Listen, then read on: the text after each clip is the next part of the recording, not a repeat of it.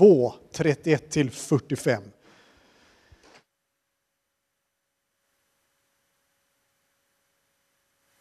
Ja, tack. Och mot Jerusalem. Han belägrade staden. Och Herren gav Juda kung Jojakim Den stod framför dig och den var skrämmande att se. Huvudet på statyn var av fint guld, bröstet och armarna av silver, buken och höfterna av koppar. Benen var av järn och fötterna delvis av järn och delvis av lera. Men när du såg på den revs en sten loss, men inte av människohänder, och den träffade statyns fötter av järn och lera och krossade dem. Då krossades allt tillsammans. Järnet, leran, koppan, silvret och guldet. Allt blev som agnar från truskplatserna om sommaren. Och vinden förde bort det så att det inte fanns något spår kvar. Men stenen som hade träffat statyn blev ett stort berg som uppfyllde hela jorden. Det var drömmen. Och nu vill vi säga kungen vad det betyder. Du och konung är konungarnas kung. Himlens Gud har gett dig rike, styrka, makt och ära. I din hand har han gett människorna, markens djur och himlens fåglar, var de än bor. Och han har satt dig till att härska över dem alla. Du är det gyllene huvudet. Men efter dig ska det uppstå ett annat rike, svagare än ditt, och därefter ett tredje rike av koppar som ska härska över hela jorden. Det fjärde riket ska vara starkt som järn, för järn krossar och slår sönder allt. Så som järn förstör allt annat ska det krossa och förstöra. Och att du såg fötterna och tårna var delvis, vara delvis av krukmakarlera och delvis av järn. Det betyder att det ska vara ett splittrat rike. Men det ska ha något av järnets fasthet eftersom du såg att leran var blandad med järn. Tårarna på, tårna på fötterna var delvis av järn och delvis av lera. Och det betyder att riket ska vara delvis starkt och delvis svagt. Och du såg järnet blandat med lera. Att du såg järnet blandat med lera betyder att människor ska blanda sig med varandra genom giftermål men ändå inte hålla samman, lika lite som järn kan förenas med lera. Men i de kungarnas dagar ska himlens Gud upprätta ett rike som aldrig i evighet ska gå under och vars makt inte ska överlämnas till något annat folk. Det ska, krossa, det, det ska krossa och göra slut på alla de andra rikena, men själv ska det bestå för evigt. Du såg ju att en sten revs loss från berget, men inte av människohänder, och, den, och att den krossade järnet, koppan, leran, silvret och guldet. Den stora guden har nu uppenbarat för kungen vad som ska ske i framtiden. Drömmen är sann och tidningen tillförlitlig. Så lyder Herrens ord. Gud, vi tackar dig.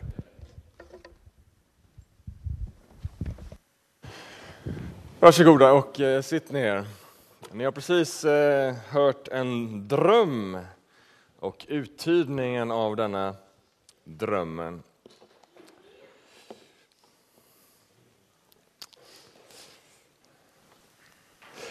Och det är hela den här dagens text. Vi läste inte hela kapitlet, men dagens predikan utgår från kapitel 2 i Daniels bok. Och eh, hela det här kapitlet är centrerat kring en eh, dröm kan man säga. Och eh, Gud, han har genom hela sin, hela sin, genom hela historien talat till sitt folk genom profetiska tilltal, genom drömmar och visioner. Och vi som hans folk, vi har nu för tiden ordet, men vi har också fortfarande anden som ger specifika tilltal till individer och ibland till hela folk. Och faktum är att i Joels profetia, Joel är en annan profet, en annan bok i Bibeln, där profeterar Joel att i de sista dagarna, alltså den tiden vi lever i, så ska det här tillta med drömmar och visioner och profetiska tilltal. Så Gud talar till sitt folk genom sin ande. Att tro på Gud är någonting levande. Det är inte bara någonting gammalt, vi läser något gammalt, utan Gud är aktiv i sin skapelse. Och när man läser Daniels bok, har du inte gjort det så läs gärna Daniels bok, det, det går rätt fort, den är inte så jättelång. Fantastiskt spännande bok, men när man läser Daniels bok, då möter man en tro som är ganska långt ifrån en skrivbordsprodukt. Ibland blir tron för oss någonting vi teoretiserar omkring och har liksom åsikter om. Men när man läser Daniels bok så möter man en tro som är långt ifrån en skrivbordsprodukt. Vi möter en Gud som är aktiv, och vi möter en Gud som agerar i världen och gör övernaturliga saker. Och vi möter Daniel och hans tre polare. Det är inte bara tre teoretiker som teoretiserar kring hur Gud fungerar och inte fungerar. Utan det här är människor som känner sin Gud. Det här är människor som lever i en relation med sin Gud. Det är människor som vet att Gud har all makt. Och det är människor som, vad underbart. Jättebra att de har flyttat söndagsskolan dit.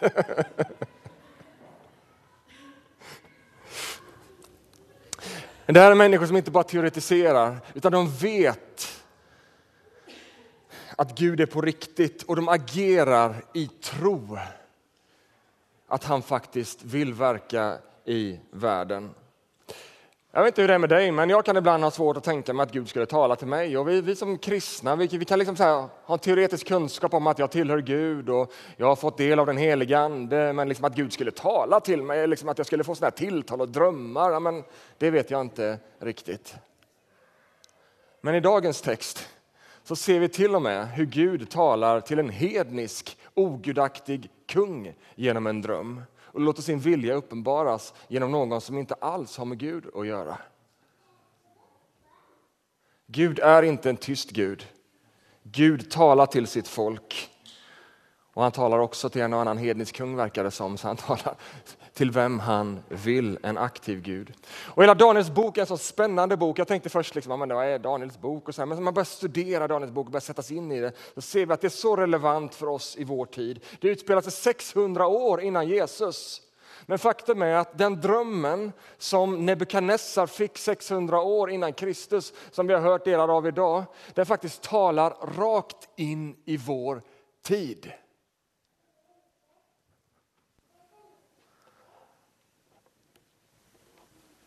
Nebukadnessar han var en mäktig kung. Han var kung för det mäktigaste riket, ett enormt rike. Han var en fruktad kung som hade erövrat nation efter nation. Men så möter vi dagens text och i min predikan idag så kommer jag berätta igenom egentligen vad som händer i kapitel 2. Och i, i, i, kapitel 2 börjar med att vi möter en kung, den här mäktige kungen. Han är liksom större än alla andra jordiska kungar. Men vad står det i, vers, i början av, av, av, av kapitlet? Jo, det står att han kan inte sova. Han är orolig. Det är någonting som håller honom vaken. Varje gång han ska lägga sig ner på kvällen så kommer han inte till ro. Därför att hans tanke dras mot framtiden. Det är rätt märkligt, sömnen styr vi inte över. Sömnen är som en gåva. När vi lägger oss ner så kommer sömnen till oss som en gåva och vi somnar in. Men inte för Nebukadnessar. Någonting håller honom vaken.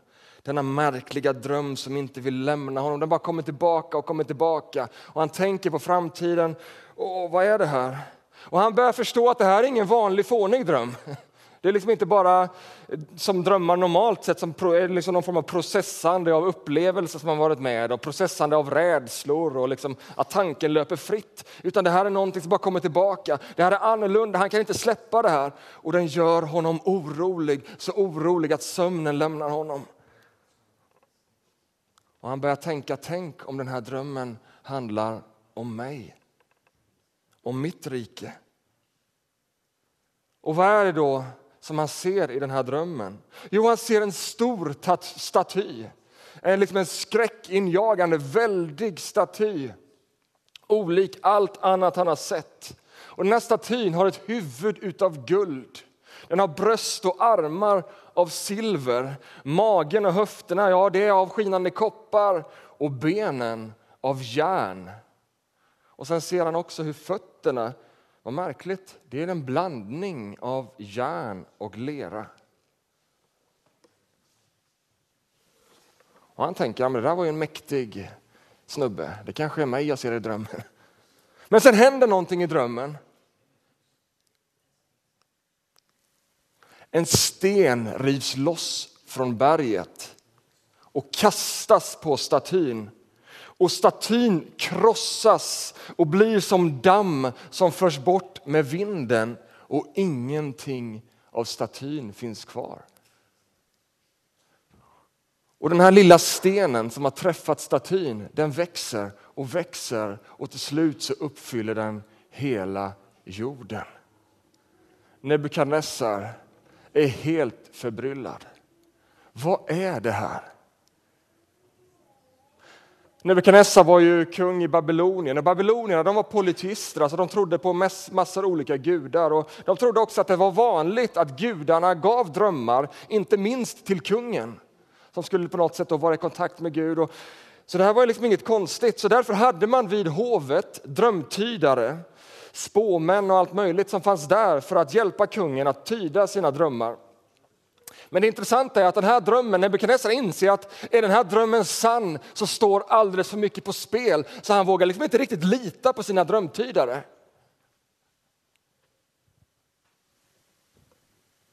Om det här handlar om mig och mitt rike då vill jag inte bara ha några schablonmässiga påhittade halvsanningar, några drömtydare som försöker plocka poäng hos kungen och liksom få lite mer i lön. Så vad gör han? Jo, han samlar till sig liksom all expertis, spåmän, besvärjare, trollkarlar och kaldéer som är den tidens astrologer. Så kommer de inför kungen och så säger de, O du mäktige kung, säg oss vad du har drömt så kan vi uttyda drömmen för dig. Nej, nej, nej, säger kungen, den där lätta går jag inte på. Om jag berättar drömmen för er, då kommer ni bara slå era drömtyda böcker och liksom komma med några schablonmässiga, liksom, eh, allmängiltiga liksom, tolkningar. Nej, säger Nebukadnessar, ni, ni berättar för mig vad jag har drömt. Och kan ni det, då vet jag att också er uttydning kommer vara sann. Men han höjer oddsen.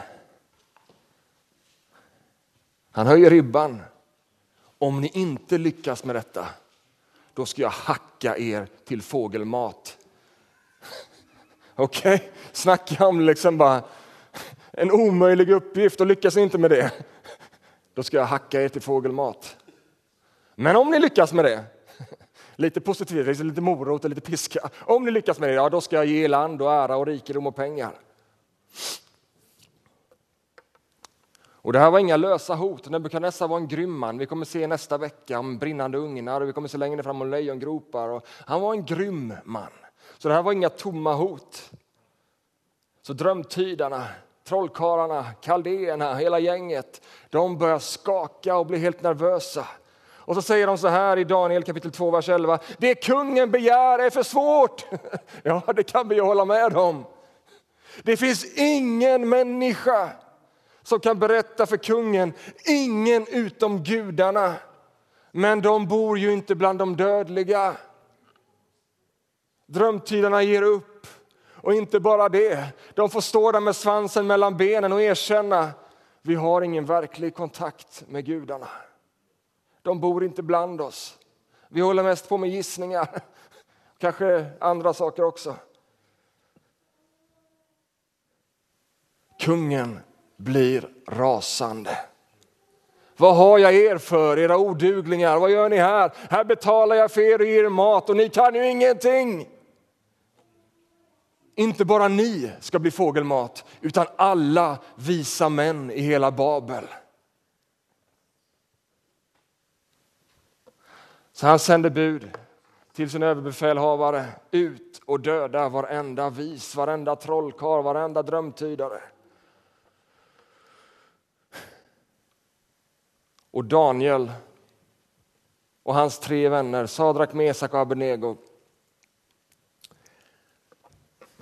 De är bland de fyra som ska dödas. Eller det var ju många fler än fyra, men de fyra skulle också dödas. De var inte kallade till hovet, kanske var de för nya, kanske var de liksom inte riktigt ännu välkomna liksom att komma inför hovet. Men de tillhörde de visa och Daniel hör att nu ska vi också dö, trots att de inte har gjort något fel. De har inte ens fått chansen att delge drömmen och uttyda den. Så Daniel hör om den här dödsdomen som är på gång och han söker upp befälhavaren som ska utföra den här dödsdomen. Det är som att gå till sin egen avrättning. Hej, här är jag.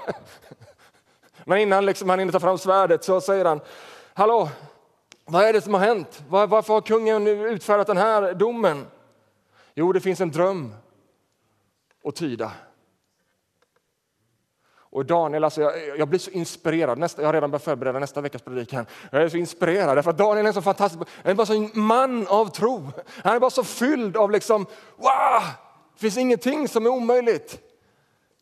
Så han är en fantastisk man av tro. Och det är han för att han känner sin Gud. Han kände sin Guds förmåga. Daniels relation var inga teorier, det var liksom en levande relation med Gud. Och till skillnad från de här liksom avgudadyrkande spåmännen, ja, men vi har ingen kontakt med gudarna, de finns inte bland människor. Daniel var annorlunda. Han hade en levande relation med en levande Gud. Så vad gör Daniel? Han förfäras inte över det här dödshotet. Han springer inte och gömmer sig som kanske vi hade gjort när man hör liksom bara hjälp, vad ska vi göra nu? Nej. Det står i vers 2.16 att Daniel gick då in till kungen. Så först går han till den som ska döda honom, sen går han till den som har sagt att de ska döda honom. Och så går han inför honom och så säger han, ge mig bara lite tid, så ska jag ge dig uttydningen. Daniel kliver ut i tro. Han riskerar allt. Och han gör det inte bara för sin egen skull. Han gör det för sina tre vänner, men också för alla vise i Babel som han kan rädda livet på genom att kliva fram och tyda den här drömmen. Kung, ge mig lite tid, så ska jag ge dig drömtydningen. Det är liksom inte det, liksom, ge mig lite tid så får vi se vad som händer. Utan han bara kliver ut, riskerar allt. Ge mig lite tid så ska jag ge dig drömmen. Hade Daniel fått uttydningen av Gud ännu? Nej, det har varit ganska enkelt att liksom gå fram och vara kaxig. Nej, det hade han inte. Hade han fått ett skriftligt intyg från Gud? Ja, imorgon så kommer du få den här uttydningen av mig. Nej, men Daniel, han litade på Gud och därför var han modig. Varför agerar vi så sällan i tro? Kanske är det för att vi har en lite för svag tillit till vår Gud. Tro bygger på förtröstan och tillit. Vissheten om att Gud vill och Gud kan. Men tro är också mod att utifrån denna visshet våga lita på Guds löfte och våga lita att han inte sviker. Så vad gör Daniel i den här situationen? Jo, han gör väl som han alltid gjorde när han stod inför en utmaning. Han gick till sina bönekamrater. Hananja, Mishael och Asaria, eller Sadrak, Mesak, Abednego, kärt barn har många namn. Och vad gör de? Jo, de ber. Grabbar, nu har vi en utmaning här. Kom igen nu. Jag kan tänka mig att de står på rätt bra i bönen. Ropa till Gud. Så står det i vers 19 att då uppenbarades hemligheten för Daniel i en syn om natten. Daniel visar på en tro som inte är uppumpad, men den är modig. Varför är den modig? Jo, därför att han, den är rotad i förtröstan och relation med Gud. Jag ska ge dig uttydningen, du kung. Han agerar i tro på Guds förmåga. Vänner, kom nu! Nu måste vi be! Kom igen nu grabbar! Det visar att han levde i en levande relation med Gud. Och vad gör han sen Daniel? Jo, han lägger sig ner och sover. Och i natten så kommer Gud till honom med en vision. Den mäktige kungen, han ligger sömnlös, han kan inte sova. Han saknar både tro och förtröstan och tillit. Men Daniel och hans polare de ber och sen lägger de sig ner i sängen. Det står inte att de gör det, men jag tror det. De lägger sig ner i sängen. Så kommer Herren till dem och uppenbarar vad drömmen betyder.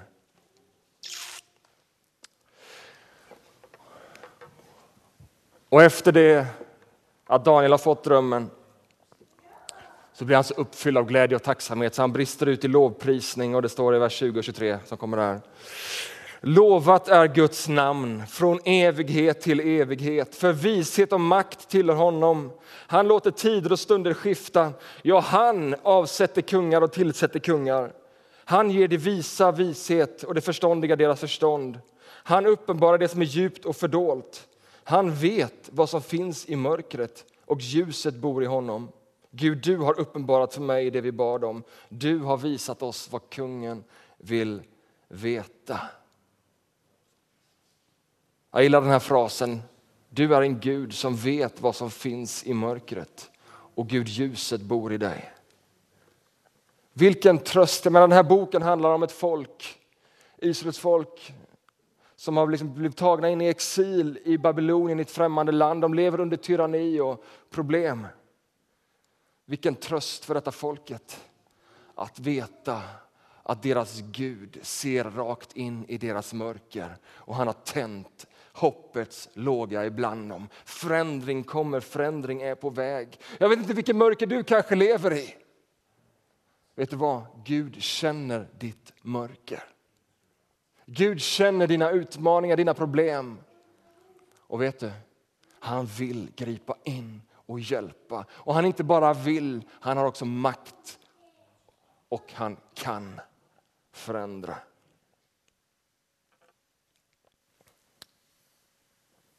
Det står också i texten hur han upphöjer Gud som kungarnas kungar och liksom makt. Du avsätter kungar och du låter riken komma och gå. Daniels Gud var inte en liten gud uppe i ett hörn någonstans på hans liksom livspapper. Det var en mäktig Gud. Det var inte heller en oengagerad Gud, det är en Gud som är aktiv i världshistorien, en Gud som verkar i, i världen. Denne guden bekänner sig Daniel till. Det är en mäktig Gud, men det är också en engagerad Gud. Och jag tror att vi behöver, det här är nog ett ord till någon av er. Du vet att du, du kanske tror på Guds förmåga, men du tänker att Gud inte är intresserad. Det här är en berättelse som visar på att Gud har inte bara makt, han har också engagemang och han vill verka i ditt liv. Så Daniel, han upplever att Gud har talat till honom i drömmen. Så han kommer nu inför kung Nebukadnessar. Och I vers 26 så säger så sa kungen till Daniel, kan du verkligen berätta drömmen för mig, vad jag såg och vad den betydde? Daniel svarade kungen, den hemlighet som kungen vill veta kan inga visa män, besvärjade spåmän eller stjärntydare berätta för kungen. Jag tänker bara, men varför är du här då? Men, säger Daniel, det finns en Gud i himlen som kan uppenbara hemligheter och han har låtit kung Nebukadnessar veta vad som ska ske i kommande dagar. Så Daniel bekräftar de här hedniska spåmännens liksom slutsats. Ingen människa kan göra det här som du har begärt, kungen. Men det finns en Gud i himlen som kan uppenbara hemligheter. Det ingen människa kan, min vän. Det ingen människa kan. Det du står inför som ingen människa kan förändra, Gud kan förändra. Gud kan uppenbara hemligheter. Gud kan göra det som ingen människa kan. Daniel går inför kungen. Människors liv står på spel. Nebukadnessar i sitt sömnlösa tillstånd har utfärdat en galen order om att förgöra alla visa i Babel. Men en man träder fram och sätter sitt liv på spel för att rädda de många. Jag tror inte detta är ett huvudtema i texten, men när jag läser denna text kan jag ändå inte låta bli att tänka att 600 år senare skulle det komma en annan man som skulle sätta sitt liv på spel för att rädda de många. Jesus Kristus. Nebukadnessar tror att det är någon av hans avgudar som har gett honom en dröm. Men Daniel är tydlig, nej, nej, nej, nej, nej. Det är en Gud i himlen som har gett dig denna dröm för att du ska få veta vad som ska ske i framtiden. Och Daniel är tydlig, det är inte min förmåga. Det är inte den kunskap heller, Nebukadnessar, som jag har fått av dig. För Daniel hade ju varit i träning här i, i två, tre år vid det kungliga hovet för att lära sig den kaldeiska kulturen och liksom bli duktig drömtydare alltihopa. Nebukadnessar, ingenting av det där har någonting att göra med det jag gör när jag står här just nu.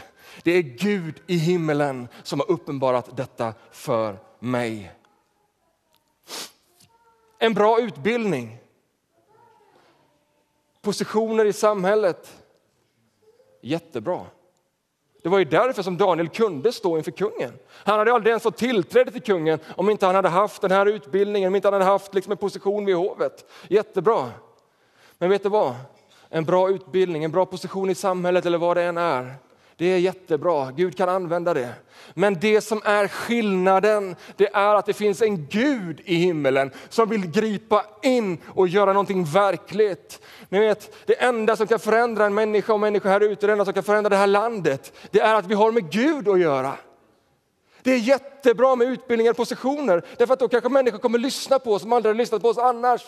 Så jag vill bara uppmuntra er, go for it! Men lämna inte Gud utanför. Jag tror att det är en sån lärdom ifrån Daniels liv. Att inte låta Gud vara liksom ditt religiösa jag här borta och sen har du liksom din karriär och ditt liv här borta. Nej, låt det alltihopa vara ett helt liv som du ger till Gud så att han kan använda det. Så att du kan få komma inför kungar och presidenter med ett tilltal ifrån Jesus.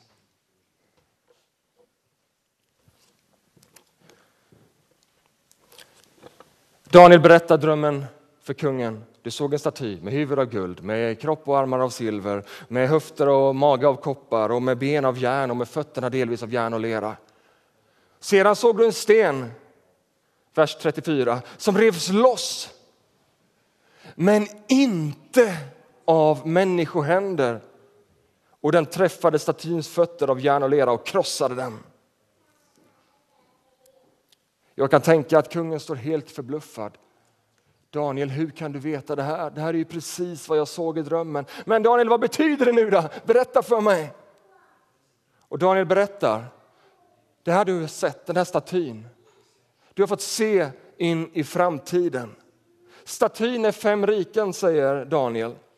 De första fyra rikena är mänskliga riken, mäktiga riken och ditt Nebukadnessar, oh, det är det mäktigaste av dem alla. Du är mäktig Nebukadnessar. Det är ett mäktigt rike. Gud har gett dig rike med makt, ära och styrka.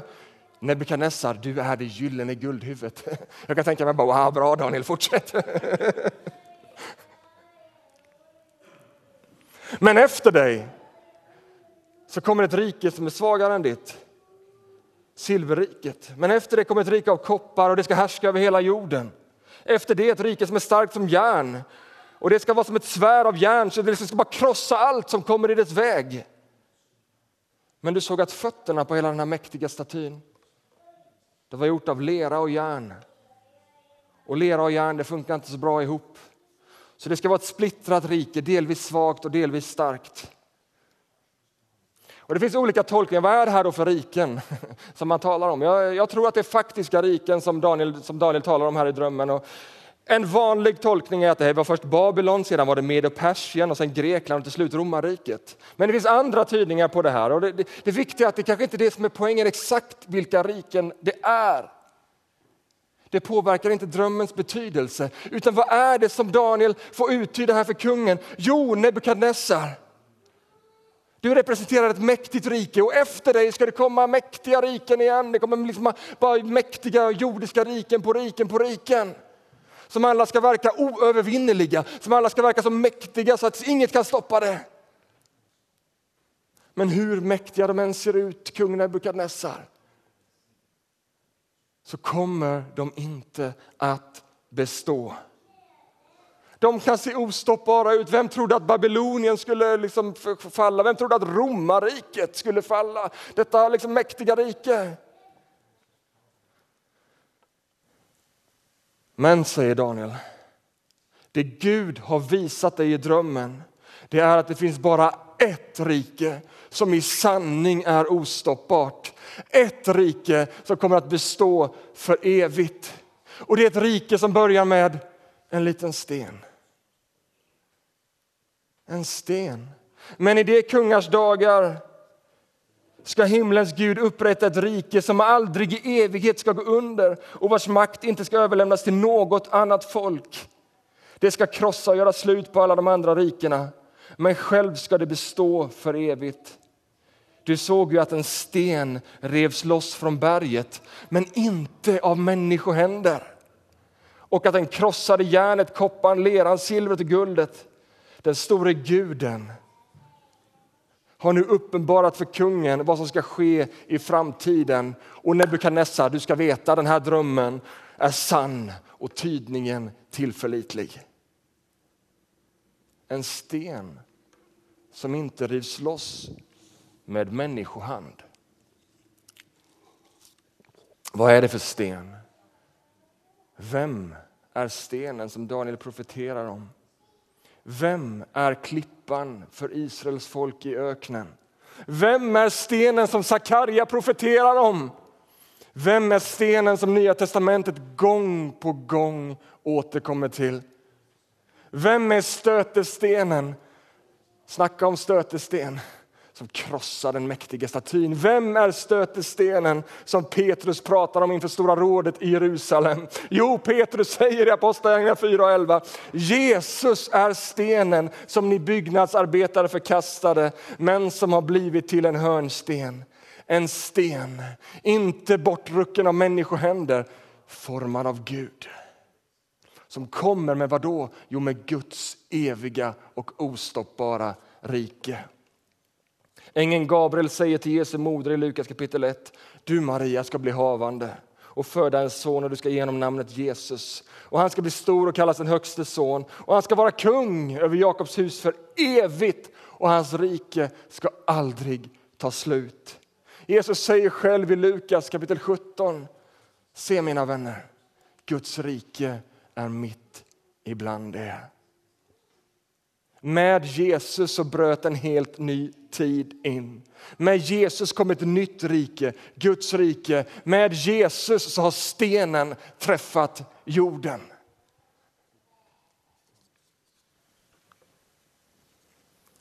Jag ska inte hålla på jättelänge till, men hoppas du kan hänga med i sju minuter till. Med Jesus har stenen träffat jorden. Vers 44. Men i de kungars dagar skall himlens Gud upprätta ett rike som aldrig i evighet, alltså det här är så mäktiga ord mina vänner. Ett rike som aldrig i evighet ska förstöras och vars, vars makt inte ska överlämnas till något annat folk. Det skall krossa och göra slut på alla dessa andra riken, men själv ska det bestå för evigt. I de kungars dagar skall himlens Gud upprätta ett rike. I de kungars dagar, vad talar det om? Är det framtid eller vad är det nu? Det är den tiden vi lever i, den jord vi vandrar på, i de kungars dagar. Det talar om ett rike som börjar här och nu. Mitt rike är mitt ibland er, sa Jesus. I den tiden så ska en sten träffa jorden. Och så fortsätter han. Ett rike som aldrig i evighet ska förstöras och vars makt aldrig ska överlämnas till något annat folk. Det ska krossa och göra slut på alla dessa andra riken, men själv ska det bestå för evigt. Vad talar det om? Det talar om en framtid. Stenen har träffat jorden i dessa kungars dagar. Och ett rike är på gång. Guds rike är å färde och det är ett rike som ska krossa alla andra riken och själv bestå för evigt. En framtid där ondska och godhet inte längre ska leva sida vid sida. Vi lever i en tid där ondska och godhet finns sida vid sida. Guds rike har kommit, träffat jorden, stenen har träffat, det finns godhet, det finns hopp. Men det finns också ondska sida vid sida. Men, pekar Daniel framåt, det kommer en tid då ondskan inte längre ska finnas. Då dessa jordiska riken av egoism och makt och självupptagenhet och gudsförnekelse och allt vad det kan vara inte längre ska finnas. Det ska vara borta med vinden. Och ett rike växer som ska bestå i evighet. Kung Nebukadnessar fick se hur den här stenen träffade statyn. Vad är det för liten sten, tänker han. Men sen får han se hur den bara växer och växer och uppfyller jorden. En dag, mina vänner, så ska mänskliga riken få ge upp sin makt. En dag så ska kungar få böja sina knän för den sanne kungen. En dag ska alla andra riken få falla och den är kungars kung etablerar sitt rike för evigt. Bibeln kallar det för Herrens dag och det är en dag som ska bestå i evighet. Där Kristus ska lysa som solen för evigt, beskriver Johannes i Johannes uppenbarelse.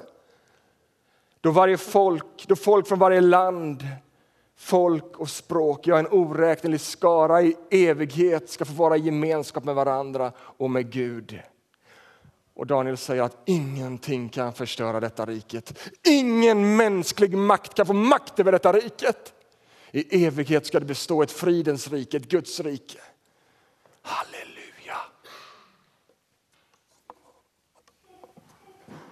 Likt Daniel så lever vi på många sätt i exil. Likt Daniel så lever vi i en tid, en samtid och en kultur som på alla sätt förnekar eller förminskar Gud och hans vision för människan. Men stenen har träffat jorden. Ett nytt rike har brutit in. Men det är ännu inte här i fullhet. Det ser vi och det förstår vi. Hur lever vi våra liv i denna spänningen? Nu, men ännu inte. Jag tror det är ganska lätt att vi hamnar i ett läge där vi lever våra liv som att Jesus aldrig ska komma tillbaka. Den kristna tron blir någon form av moral som är god att ha. Men att han ska komma tillbaka, ja stenen har nog träffat jorden. Jesus har nog kommit, men att han ska komma igen, lägg av. Eller vi kanske inte ens tänker så, vi bara liksom ignorerar faktumet att han ska komma tillbaka. Jag tror inte det är ett hållbart sätt att leva i spänningen mellan att han har kommit och att han ska komma igen. Ett annat sätt vi kan leva på det är att vi blir någon form av liksom, eh, kristna undercover. Vi gömmer oss. Daniel kunde ha gömt sig när han hörde vad som hände där i Babylon. Han kunde ha gömt sig. Han trädde fram. Han stod rakryggad upp. Han gick fram i tro. Daniel visar på ett exempel. Han låter nämligen hopp hoppet om Guds kommande rike får bli bränsle för att leva för Gud här och nu. Detta faktum att Jesus har kommit och att han ska komma tillbaka. Det blir liksom ett bränsle. Wow! Han ska komma tillbaka, han ska upprätta allt i fullhet. Kom igen Gud, nu kör vi! Jag vill vara med och jobba fram tills den dagen då du kommer igen. Jag vill vara med och uppfylla denna visionen att Guds rike ska få ske redan nu och här på jorden så som den sker i himlen. Kom ut ur era grottor, sluta göm er. Eller sluta lev ditt liv som att det inte är på allvar, som att inte Jesus kommer tillbaka. Jesus kommer tillbaka och då kommer han på skyarna som den sanne kungen för att upprätta sitt rike. Och då ska allt det som vi värderar så dyrbart, det, det, allt som finns på den här jorden, all rikedom och ära, det ska betyda ingenting. För det ska blåsa bort som att det aldrig har funnits.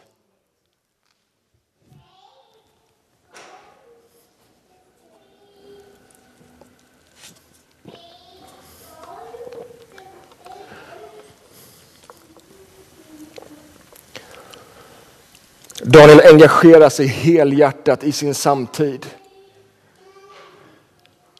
Men utan att förlora fokus på att först och främst leva för och tjäna Gud.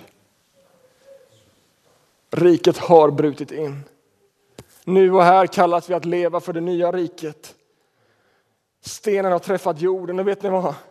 Vår kultur och samtid vill säga att kyrkan har spelat ut sin roll, den kristna tron har spelat ut sin roll. Sekulära profeter profeterade hundra år tillbaka i tiden att på 2000-talet kommer kyrkan vara utdöd. Ingen har haft mer fel. Därför att stenen som träffat jorden är en ostoppbar kraft. Så vet ni vad, att idag växer kyrkan mer än någonsin. Vet ni att den kristna rörelsen ute på jorden är den snabbast växande folkrörelsen av alla rörelser, alla kategorier. Oavsett om kulturen förnekar Guds existens och Guds inflytande i vår tid. Oavsett om vår samtid förnekar det som Guds riket representerar. Guds rike är ett ostoppbart rike. Alla dessa idéer som verkar så fina Eh, liksom kulturella korridoren som vill forma oss att tro liksom att det Gud säger och det Bibeln säger det är förlegat, det är gammalt. Det är liksom, nu ska vi omfamna allt och det ska vara så himla flummigt. Vet ni vad? Det kommer en dag då det där ska vara bortblåst som om det aldrig har funnits. Det är dags att vi ställer oss upp och lever för det nya riket och lever som att kungars kung faktiskt har trätt in i jorden och att han ska komma tillbaka. För än är det lång väg att gå. Även om kyrkan växer, det är lång väg att gå. Det är många orättvisor att övervinna. Det är mycket djävulskt i den här världen att krossa. Och det är många människor som behöver möta Jesus. Daniel stod rakryggad i sin tro trots en samtid som förnekade Gud. Daniel lät sin utbildning och sitt yrke tjäna Guds syften i världen. Daniel levde i relation med Gud, i förtröstan på honom, i tillit och då kunde han agera i tro. Daniel litade på Guds förmåga och kraft och vilja att agera fullt ut. Och han lät hoppet om att han en dag ska komma tillbaka och återupprätta allting. Han lät det bli ett bränsle för att leva för Gud här och nu. Jag tror att vi kan ta en copy-paste på, på liksom de här lärdomarna, de här principerna i Daniels liv och klistra in det i våra liv. Låt det bli en inspiration för oss att leva för Gud i en gudlös värld. Amen. Jag tackar dig Herre för att du är mitt ibland oss. Tackar Herre för att ditt ord talar uppmuntran men också riktning in i vår tid Herre. Tackar dig att ditt ord vill väcka tro i våra liv, passion att leva för ett annat rike. Ett rike som i sanning är ostoppbart och mäktigt och ljuvligt och härligt. Ett rike där rättfärdighet råder, där glädje är liksom i hjärtat av det, där kärlek manifesteras. Herre, vi vill leva av det riket. Mm. Amen.